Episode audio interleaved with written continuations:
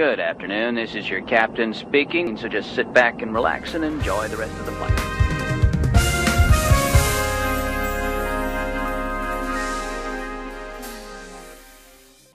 Satu tiga tiga satu tiga tiga di your captain speaking bareng Faris dan Farah. Oke episode kali ini kita bakal ngomongin apa nih sama siapa nih Pak? Ada nih salah satu kapten yang udah cukup familiar banget sama kita Riz. Wah kalau boleh tahu siapa tuh Pak? Jadi kakak ini tuh dulu pernah diundang juga di salah satu uh, prokernya MFT. Wah siapa nih? Makin penasaran aja nih. Ada nih namanya Kak Aisyah. Oke sekarang kita udah kedatangan dari Kak Aisyah. Halo Kak. Halo. Hai, Aisyah. Hai, apa kabar? Aku baik kak, sehat-sehat. Kakak gimana kak? Ya, begitu. Oke sebelumnya mungkin kita kenalan dulu aja kali ya. Mungkin beberapa di sini dari teman-teman belum pada kenal juga sama kakaknya. Nah boleh kak, kita kenalan dulu. Kakak dari teknik fisika angkatan berapa nih kak? Eh, nama gue gue aja ya.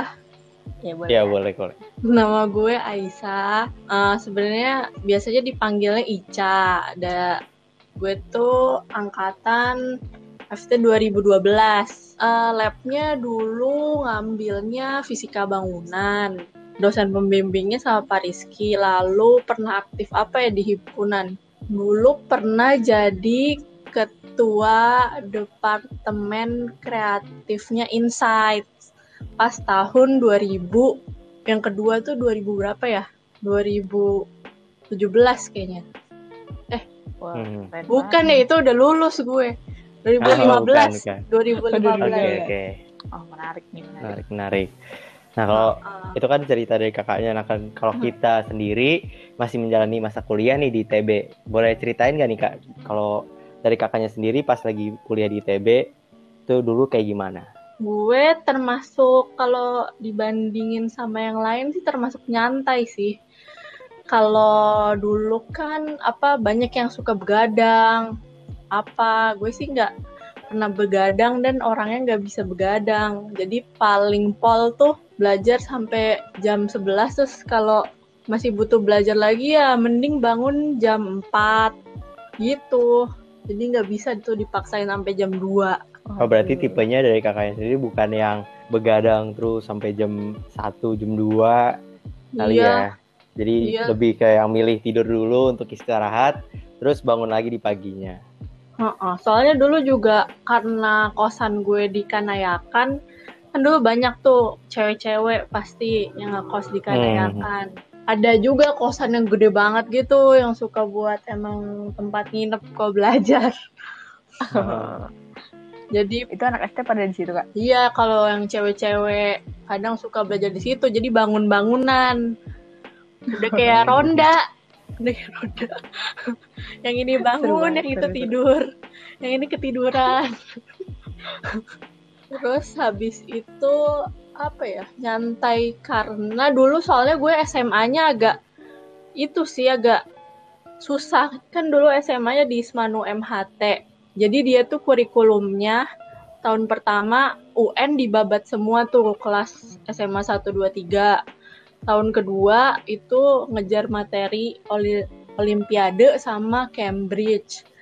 Tahun ketiga fokus buat cari kuliah. Nah, makanya karena udah ngerjain kurikulum olimpiade, jadi pas di ITB, TPB tuh jadi gampang gitu. Karena udah pernah belajar.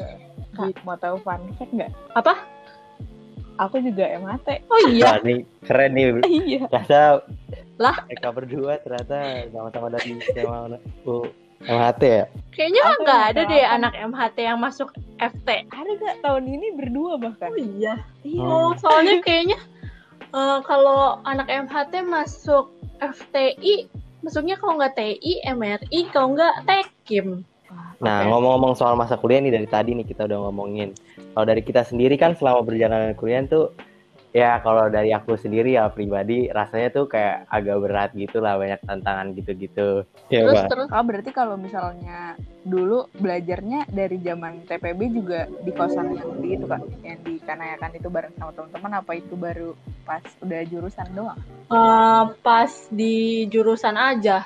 Kalau dulu pas TPB cuma belajarnya berdua sama anak MHT juga soalnya karena ansos Belajarnya biasanya di mana tuh kak? di perpus? enggak malah di kosan temen juga di kosan anak MHT juga tapi yang di yang enak gitu soalnya dulu ada juga anak MHT yang apa juara olim jadinya dia suka disuruh ngajarin Jadi tutor tutor. iya bukan tutor Emang biasanya kalau dari emang sama bagus kayak gitu banyak aja ya orang pinter-pinternya. Iya lumayan. Lumayan. Ini Contohnya lah ya Kak Aisyah ya. enggak juga. Gue mah terbawa arus. Kalau di di FT nih kak, dulu menurut kakak ada matkul-matkul yang paling berat gitu nggak? yang horor. Eh, kebetulan Yang tahun horor tahun angkatan gue tuh kayaknya dosennya pada murah nilai semua.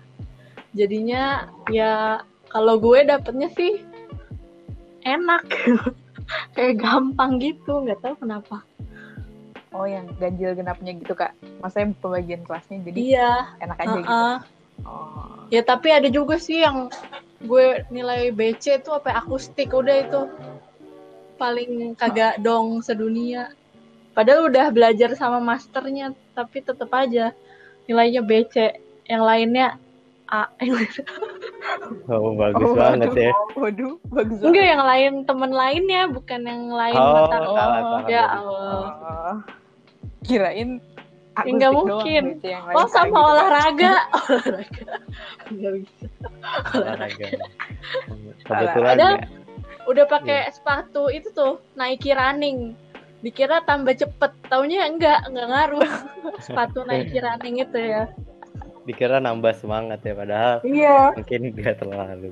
kemakan iklan berarti Berarti kalau gitu masalah kuliah aman ya kak ya? iya Dosennya aman-aman. iya sih kalau kayaknya kalau dari kita kan selama berjalanan kuliah nih berat gitu kan Eh, banyak tantangannya apalagi kalau lagi pandemi kan Nah iya pandemi Apalagi nih maksudnya kita masalahnya. sekarang masalahnya tuh di pandemi gitu kan. Jadi menurut kita sih jauh lebih berat gitu. Kalian tingkat berapa Nah, sih? terus kita baru tingkat Iya. tiga eh tingkat dua. Oh, Kalau dari tingkat kita baru dua. tingkat dua. jadi kan eh, kalau dari masa kan ngomongin masalah kuliah nih kalau dari kita kan selama berjalan itu berat ya terutama apalagi sekarang nih masa pandemi. Perlu ada circle pertemanan terus support system. Ya pokoknya kayak gitu-gitu nah dulu waktu kakak kuliah kan tadi kakak bilang ada temen buat belajar di kos dan segala macam nah itu dulu kakak milih-milih temennya gimana nemuin mereka supaya jadi circle pertemanan tuh gimana kak? Hmm, circle-nya karena sama-sama di Kanayakan dulu. Jadi kan kalau calling-callingan gampang tuh. Kalau mau numpang tidur apa numpang apa kan deket gitu. Terus habis itu sama eh circle-nya juga berubah-ubah sih soalnya kan kelas ti- eh kelas tingkat 2 tuh masih sama semua kan kuliahnya. Nanti tingkat 3 tuh kan ada kayak kuliah pilihan. I- ya paling yang sama-sama ngambil itu tapi yang di Kanayakan juga siapa gitu. Berarti lebih ke yang karena ya kan iya ya, geografis, circle geografis. Nah ini deh eh, kan tadi udah di spill nih ternyata ada kak Pak Kak Unggul di ceritanya. Oh, Kalau menemukan ini- makhluk itu, menemukan Iya bener banget. pokoknya. iya betul banget. menemukannya sebenarnya udah ada dari dulu ya kan nggak ke mana-mana jadi se- yang nggak langsung deket-deket amat sih dulu juga. Karena kenapa ya sama tuh? Oh pokoknya liburan gitu kan. Terus habis itu ada nih yang ngajak jalan-jalan. Terus habis itu ada nih si Ihsan menginia- menginisiasikan jalan-jalan gitu ke Jogja ke mana? Ke Dieng Semarang itulah keliling. Nah ngerekrut lah tuh orang anak-anak FT buat temen terus habis itu gue juga direkrut karena gue juga kampungnya di Jogja jadi gampang mendapatkan transportasi nah terus unggul juga di situ ikutan jalan-jalan ya udah deh semenjak saat itulah kita jadi sering eh, belajar bareng juga. Jadi circle-nya berubah dari kanayakan itu kan bosen. Sekarang circle belajarnya sama yang itu tuh cowok-cowok gitu. Udah deh semenjak itu menjadi dekat. Emang kalian nggak punya kecengan di FT? Aduh, dari kita mungkin belum nemu aja kali ya. Belum nemu atau Mm-mm. matanya belum terbuka mungkin. Mm-mm. A- Nanti tuh kadang tingkat dua tuh kucel nih. Tiba-tiba tingkat empat tuh kok jadi glowing gitu cowok-cowoknya gitu. Makanya coba pilih sasaran dulu yang kira-kira agak cerah gitu. Apalagi nanti pas kerja tuh cowok-cowoknya udah mulai dandan kan rapi-rapi gitu. Tiba-tiba kaget dah. Mulai Iya. Nah. gitu ya. Berarti ini udah kayak pengalaman dari kakaknya ya. Selama di Iya. TF tuh. Jangan gitu. meremehkan cowok-cowok kucel gitu. Oke tuh. Buat Oh, teman-teman Dan yang cewek-cewek kucel. Ah. Ya, iya benar-benar. Mungkin buat teman-teman mahasiswa juga itu bisa jadi saran tuh kali ya. Banyak Oke. sih di FT 2012 yang cinlok yang udah nikah itu dua gue unggul tuh satu lagi ada tuh si Kobel sama Nana udah punya anak juga tuh Happy terus- family. terus yang ada yang cinlok tapi putus sekarang gitu deh Hmm, so bad. Eh, Oke, tadi kita udah spill nih ternyata ada Kak Unggul juga yang eh, dia angkatan berapa ya kak? Atau seangkatan sama kakak? sama sangkatan Oh, sama. sekelas Oh sekelas Jadi- juga. nim kita tuh kan nim unggul 20 133 12 020 nim gue 133 12 002 terus tahu nggak nikahnya tanggal berapa tanggal 02 02 20 20 keren nggak Wow, waduh keren Waduh. banget tuh. Aduh. nah siapa tahu nih kalian yang nimnya coba dicocok-cocokin siapa tahu Nah, iya tuh mungkin. tanggal eh, nikahnya sama kayak nimnya gitu mm, mm. Mungkin bisa saran juga buat yang mau Menarik, nikah Menarik. dari mahasiswa mahasiswanya mungkin bisa disamain tuh sama nim nim kayak gitu mungkin jadi cantik gitu atau yang merasa Iya. bingung sama tanggal-tanggal pernikahannya maunya kayak gimana nih nah mungkin dari nim itu kali ya iya Bisa eh. dicocok-cocokin supaya keren aja lah ya. Kamu nanya juga nih, kan eh, Kak Aisyah sama Kak Unggul jadi deket setelah liburan Ha-ha. itu ya. Nah, reaksi teman-teman kakak Oh. tuh gimana tuh? Anak-anak kanayakan misalnya kayak, iya ya sekarang lu main sama dia terus. apa ya? Cuma biasa aja sih. Cuma oh sejak kapan? Wah wah sudah kuduga. Gitu doang sih. Nggak tahu kalau yang nggak gue denger di belakang. Tahu deh. Mungkin dari teman-teman dekat dek- Kalau yang di dekat belakang gitu. tahu. ada apa dari teman-teman dekat gitu. Ada nggak? Teman deket ada gak sih gue apaan? Oh, nggak tahu. ini unggulnya sudah bersama. Halo. oh iya halo kak. Wah, halo Kak. Halo. Halo. halo. Ya mungkin kebetulan kak unggulnya baru masuk nih. Bisa kenalan dulu dong kak dari kak unggulnya Hmm, Halo. Saya Unggul FT 2012. Sekarang jadi suaminya Ica. Ya udah tahu lah Deh. Iya. Oh, udah tahu. Iya, belum tahu. kalau dia labnya lab komat sama Pak Kemal Oh iya. Dulu tugas akhir di Komat sama orang yang bernama Remy. Partner gue namanya Remy. Mungkin kalian tahu. Mungkin kalian. Dia dosen bimbingnya Pak Kemal sama Pak Hermawan. Nyantai sih dulu gua mah. santai wah boleh boleh banget tuh kalau misalkan ada tips-tipsnya untuk labnya ke mahasiswa-mahasiswa MFT itu boleh tuh Tips-tips apa nih? nggak ada tipsnya mah ya nggak ada ya Nah, sesuai itu aja Jalanin sesuai aja ya. keinginan. Ya Hmm. tahu batasan masing-masing aja. Kalau bisanya segitu ya udah segitu gitu. Dulu gue punya ini apa? Apa, sih? Punya ini grafik learn itu gue dulu sering Oh, Hmm, usaha itu selalu berbanding lurus sama hasil. Lon X. Oh, learn X Hmm, usaha iya, itu iya, selalu iya. berbanding lurus sama hasil. Nah, sampai taraf tertentu. Satu rated. Nah, habis itu udah satu rated, banyak usaha tapi nggak ada hasilnya gitu. Jadi kita di bagian yang linear aja berusaha. Oke oke bahasannya agak HMFT sekali. Oke, lanjut aja ke Nih kalau misalnya kakak lagi berdua, itu suka ngomongin tentang teknik Wah enggak ngomonginnya ngomongin orang. Aduh. Sekarang malah banyak kan itu gosip artis, tahu nggak Vicky sama Kalina, uh hot banget, unggul tahu. Aduh. Obrolannya emang obrolan jadi begitu. Karena di rumah aja, Heeh. jadi nonton TV mulu gosip dah. Kain ngomongin hukum termodinamika Wah, kalau malah debat-debat gitu. Enggak, enggak berdebat. Iya, Malah gitu beda teori kadang. ya. Kadang beda teori. malah. Karena salah tangkep. Salah tangkep pas kuliah. Jarang ngomongin tentang begitu-begitu kalau sehari-hari kecuali lagi ada kasus yang perlu ditelaah. Alah. Misalnya kulkas rusak gitu maksudnya. Kan ada tuh refrigerannya atau apanya gitu kan. Oh enggak ada misalnya kompor kompornya korslet atau gimana gitu. Wah, bukan ini ada tegangannya ini. Bukan dayanya apalah tahu. Oh berarti kak kalau misalnya ada yang rusak-rusak di rumah gitu, Iya. ditelaah dulu ya kak. Enggak. Heeh, kalau iya, enggak gitu, kalau udah manggil tukang tuh kepepet gitu deh. Itu sok sok apa sok teu gitu kan. Malu jadi anak FT kalau nggak tahu. Bener-bener. Berarti ini ja- bahasan-bahasan kuliahnya masuk ke bahasan dapur juga ya.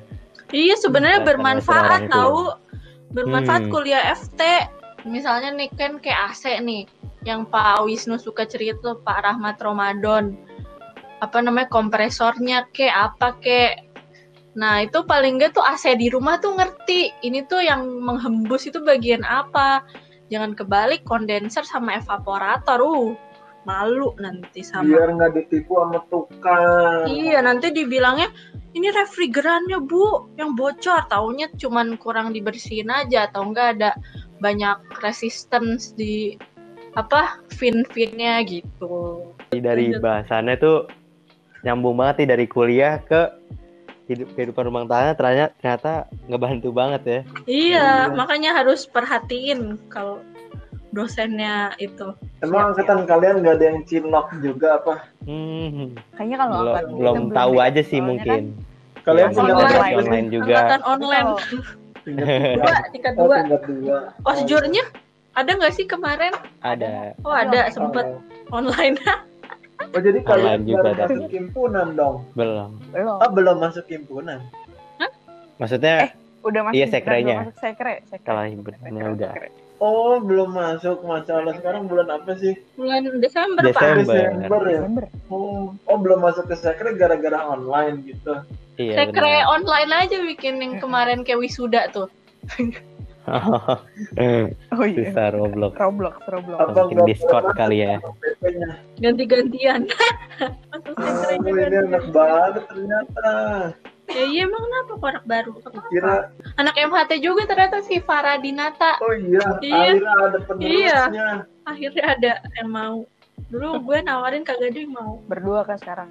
Entah. Oh banyak. Tinggal Lumayan. Iya, lanjut, Kak. lanjut. lanjut lagi nih. Eh dulu waktu masih kuliah, Kak Aisyah sama Kak Unggul tuh memikirkan rencana ke depannya nggak? Kayak jangka pendek atau jangka panjang gitu, planning setelah lulus. Oh, iya. ngapain gitu. Oh, belum Terus, selesai. Kirain udah.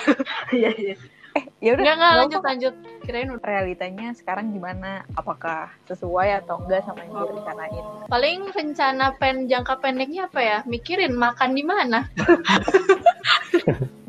Aduh. Karena itu Itu adalah yang apa menggembirakan tuh apa?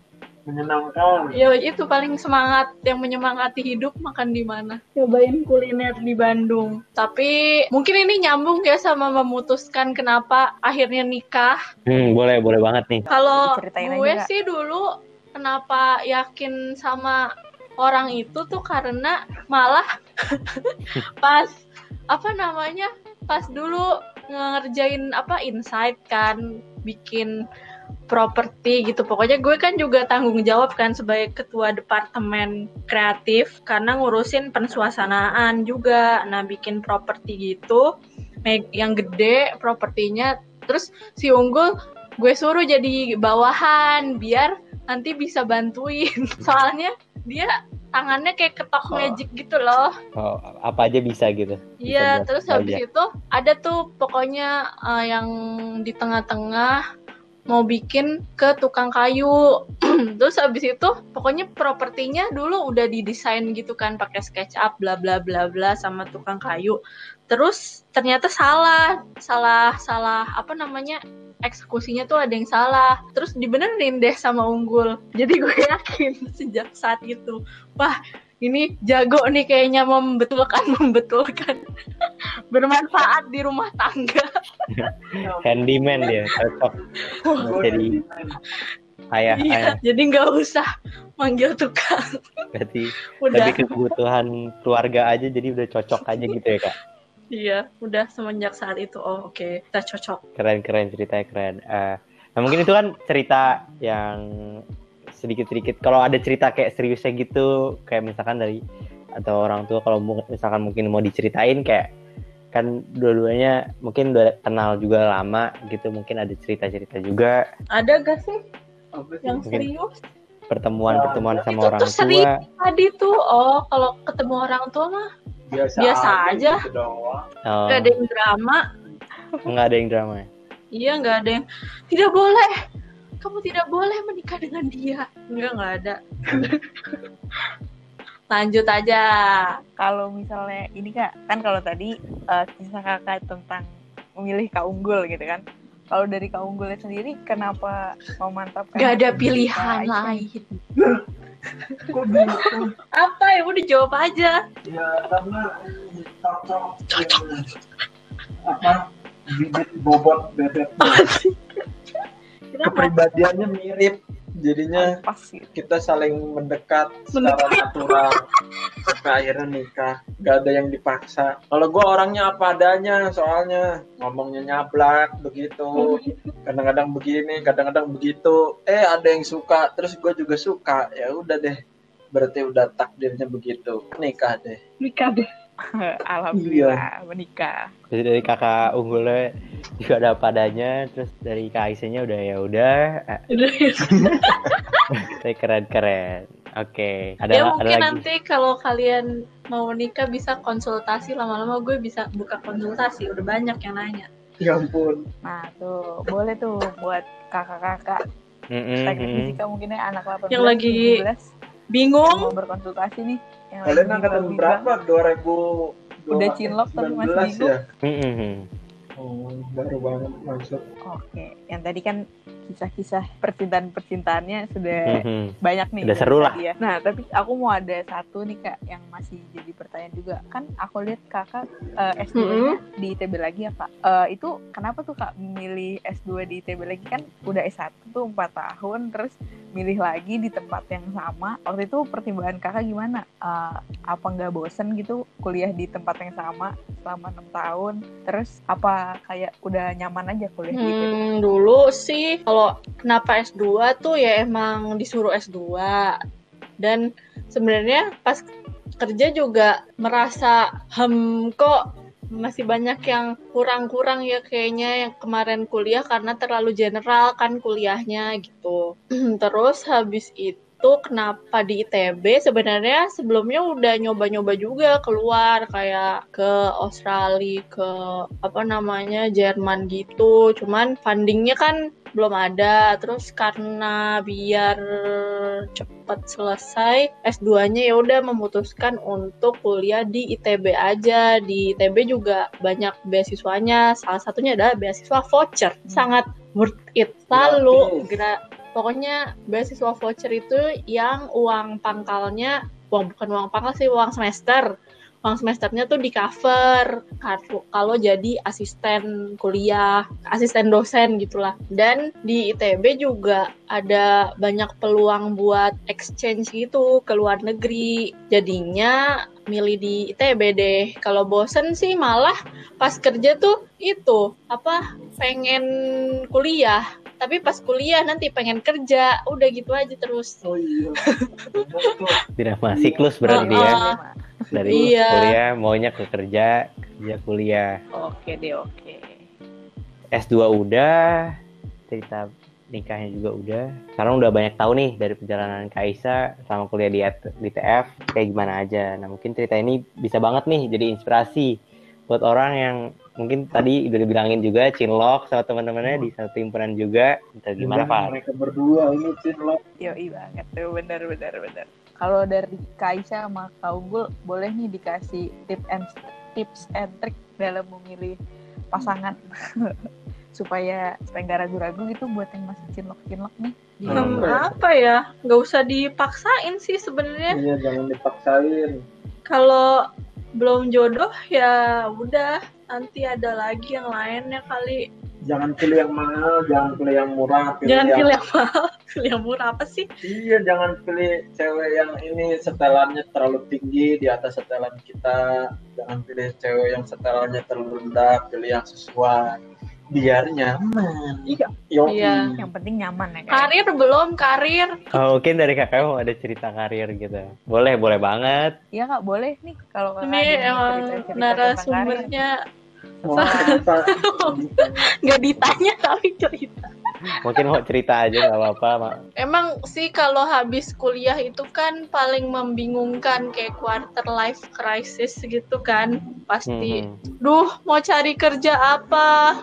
Akhirnya semua yang buka lowongan di apply. Ya emang begitu sih. Yang lain juga. Cuman kan banyak yang idealis gitu kan. Oh kemarin ini labnya ini harus cari kerja yang ini. Ya gitu juga nggak salah sih. Pokoknya apa ya? Ya yang yang nggak usah terlalu idealis jadi orang yang penting suka aja sama yang dikerjain gitu mungkin itu bukan dulu apa ya apa namanya misalnya bukan TA-nya atau bukan bidangnya tapi pas dikerjain malah seneng gitu tapi kalau gue kemarin tuh emang dulu gue tuh sukanya dari kecil tuh pengen jadi arsitek sebenarnya karena suka ngedesain rumah bikin kayak gambar developer itu yang kotak-kotak itu. Tapi nggak bisa gambar yang bagus kan jadi eh, susah jadi arsitek. Dan kata orang tua dulu juga ngapain jadi arsitek? Banyak nanti saingannya. Gitu. Oh makanya iya, aku mau kasih tambahan apaan? tentang yang itu karir sama FT dan punya cewek anak FT. apaan Hmm, boleh tuh kak. Jadi ini keuntungannya Boleh, masuk boleh. FT kita bisa punya pasangan yang bidang spesialisasinya jauh berbeda sama bukan jauh sih berbeda gitu sama diri kita sendiri. Nah itu efeknya apa? Efeknya sih lebih ke dis- diversifikasi duit masuk. Jadi misalnya gue kan sekarang jadi ini PM gitu product manager. Nah si Ica jadi freelance buat simulasi bangunan. Nah, jadi ya kalau misalnya bidang gua lagi turun, mungkin bidang Ica naik atau sebaliknya. Nah, kan jarang-jarang tuh ada jurusan yang bisa cinlok tapi juga bisa diversifikasi duit masuk. Coba di minyak, kiri kanan minyak, pas minyak turun langsung ambles boy. kalau dua-duanya orang minyak Kalau dua-duanya kerja di minyak gitu sih. Itu yang nggak bisa didapat di jurusan lain sepertinya. nilai plus gitu ya kak kalau misalnya punya Iya, pasangan anak teknik Itu bikin gitu ya. semangat tuh kalau misalkan dari. FTI, FTI 2020 mungkin kalau ada yang dengar bisa tuh kita disuruh teknik fisika dulu. nah bisa nih Oke. masuk teknik fisika nih Terus siapa tadi tahu mendapatkan jodoh Udah selesai. Dari idealis sampai kak. pilih itu kak Hmm. nggak Oh, sesuai iya. sama lab juga nggak Oh. apa-apa beragam juga sih yang angkatan gue sebenarnya tentang karir itu cuma apa ya di angkatan gue itu nih kalau gue lihat sih lagi transisi dari industri yang oil and gas terus masuk ke industri yang serba IT kayak sekarang nah jadi apa ya sempat ditimpa badai itu juga sih menurut gue angkatan gue pas pertama kali nyari kerja. Sekarang itu jarang banget anak FT yang bisa masuk oil and gas paling Pertamina masuknya kalau yang lain kayak BP kayak selam bersih gitu angkatan gue udah nggak ada. Kayaknya ke bawah juga makin dikit. Padahal tahun-tahun sebelumnya tuh angkatan kan gue 2012 ya nah, angkatan 2010 ke bawah tuh masih banyak banget yang masih yang masih masuk oil and gas. Nah menurut gue ini jadi suatu apa ya suatu pembuktian lah bahwa anak TF bisa berjaya di mana-mana. Oh. jadi ya nggak usah takut masuk TF bisa cari jodoh juga gampang cari kerja Oke. Tuh, Oke, harusnya lu ada di brosur FT tuh.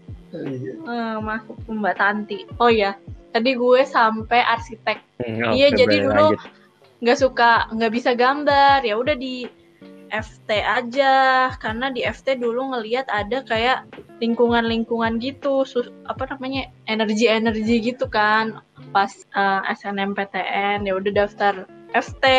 Lalu ya pokoknya mengenal, mengenal Hmm, Eh, ada nama lab fisika bangunan. Wah, ini kayak arsi-arsi nih bisa ngedesain-desain tapi nggak ngedesain banget.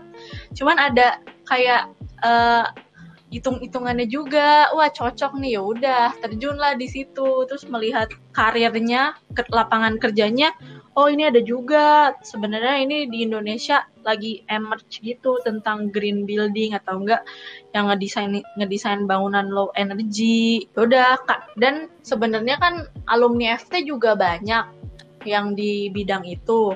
Tapi lama kelamaan tuh yang dulunya TA-nya tentang energy plus atau enggak desain bangunan yang low energy gitu pada kerjanya di bukan bidang tersebut. Berarti mungkin ini harus ada kan regenerasinya. Ya udah gue memantapkan diri aja. Oh ya udah ini aja nyobain karir path-nya gitu. Cuman karena sekarang lagi pandemi, kan financing buat new building itu kan juga jadi terdampak. Nah, jadi agak susah emang kalau sekarang. Tapi sebenarnya kalau lagi nggak pandemi ini juga banyak opportunity-nya dan orang yang keahlian itu juga sedikit. Jadi chance untuk di hire tuh sebenarnya gede gitu. Orangnya dikit jadi kesempatannya Hmm. lebih besar ya. Iya. Betul. Berarti dari KKN ini lebih ke tipe yang udah pilih satu tujuan terus kayak ya udah lanjut ke bidang yang itu aja. Heeh, Biasanya kan orang ada yang lintas bidang gitu ya. Iya, karena dari dulu dari SMA juga gue udah itu sih sangat environmentally friendly gitu anaknya. Yang lainnya masih buang sampah ceplek, gue udah jangan buang sampah itu. Gitu. Green banget. Iya terus ada dulu di Green- asar- green asrama way. MHT itu juga pernah tuh kan ada yang di medsos tuh kayak art hour, art hour gitu. Nah gue juga Hmm. itu suka di asrama tuh ayo matiin lampu kita art hour gitu. Apalagi dulu gue sempet jadi ketua asrama juga yang putri. Padahal cuma ngapain. Nah tadi kakak sempat eh, bilang nih kalau misalnya lagi pandemi ini jadi agak susah ya buat eh, apa green building. Ah, Kalau kakak sendiri selama pandemi ini berarti apa nih kakak sibukan? Gue sebenarnya kemarin eh, ada freelance gitu juga di konsultan. Cuman ya emang angin-anginan gitu kan proyeknya.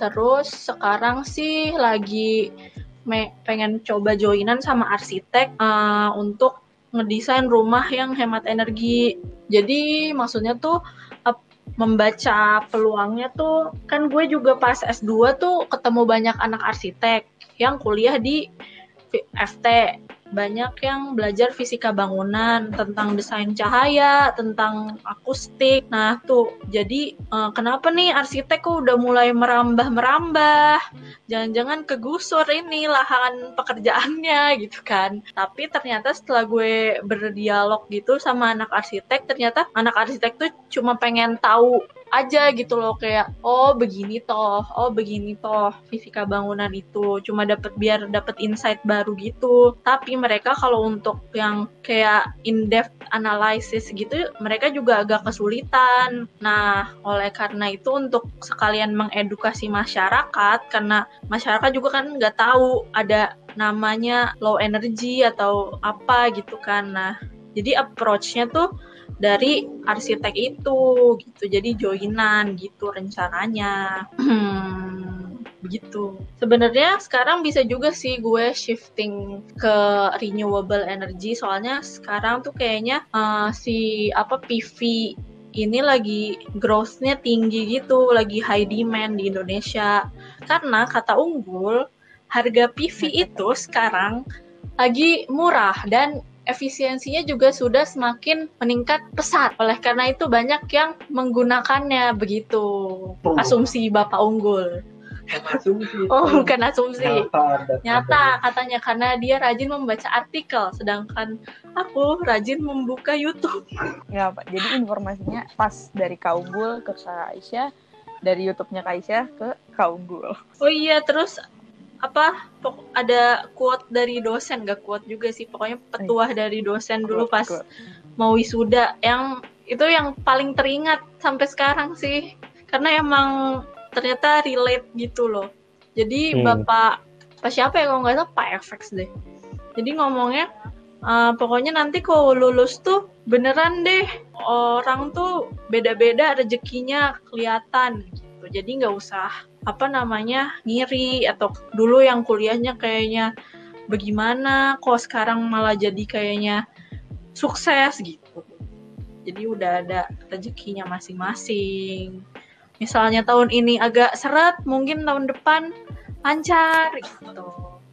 Pak FX itu Oh, Pak FX ya, benar. Ya pokoknya Pak FX ada dosenku favorit karena murah nilai dan baik hati. baik hati. Tahu kan Pak FX masih ngajar nggak sih?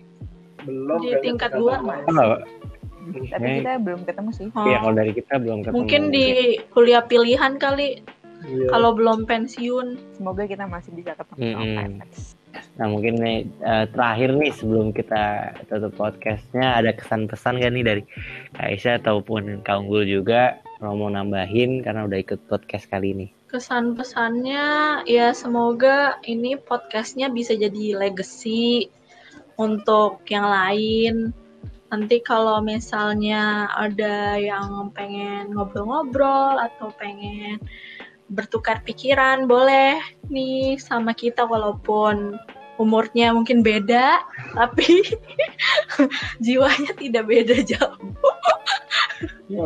Masih muda, ya, eh, ya masih lah, nggak tua-tua amat ya kan, gitu. Kalau dari Kak Unggul gimana kesan pesannya mengikuti podcast walaupun tadi nyusul? Eh, apa ya? Ya sama sih semoga bisa menjadi ini. Ah, nggak kreatif ah. Ya udah deh nggak usah katanya nggak kreatif. Nggak kepikiran sih. Selain itu Sorry itu semoga podcastnya bisa bisa terus dipromoin dia menjangkau lebih luas. Iya jadi nggak berhenti di satu angkatan aja ininya pesan dan kesannya nggak terbawa oke. keluar seiring Bisa ke ITB, Entero ITB. Iya center. Hmm, ya oke oke. Seperti Mantap, visi mantap, misi ITB Insight. Ah, Iya. Mungkin kalau Kak Unggul ada itu kali eh, terima kasih ke dosen-dosen kali aja kalau mau denger. apa ya terima kasih bapak dosen dan ibu dosen sekalian yang udah berbagi ilmu dulu ilmunya sangat berguna sekali baik ilmu teoritis maupun ilmu kehidupan Wis, mantap. Mantap mantap. Oh, gue mau minta maaf untuk Bapak dosen pembimbing kalau aku jutek selama bimbingan. Ya, kalau Bapak mendengar ini. Oke deh. Eh, terima kasih banyak buat Kak Ica dan Kak Unggul yang sudah mau eh, ngobrol-ngobrol dan sharing-sharing di podcast kali ini. Makasih juga buat teman-teman nih yang udah dengerin sampai akhir, sampai akhir obrolan kali ini. Oke, terima kasih. Oke dari eh, kita berdua itu aja. Kok cepet ya rasanya? iya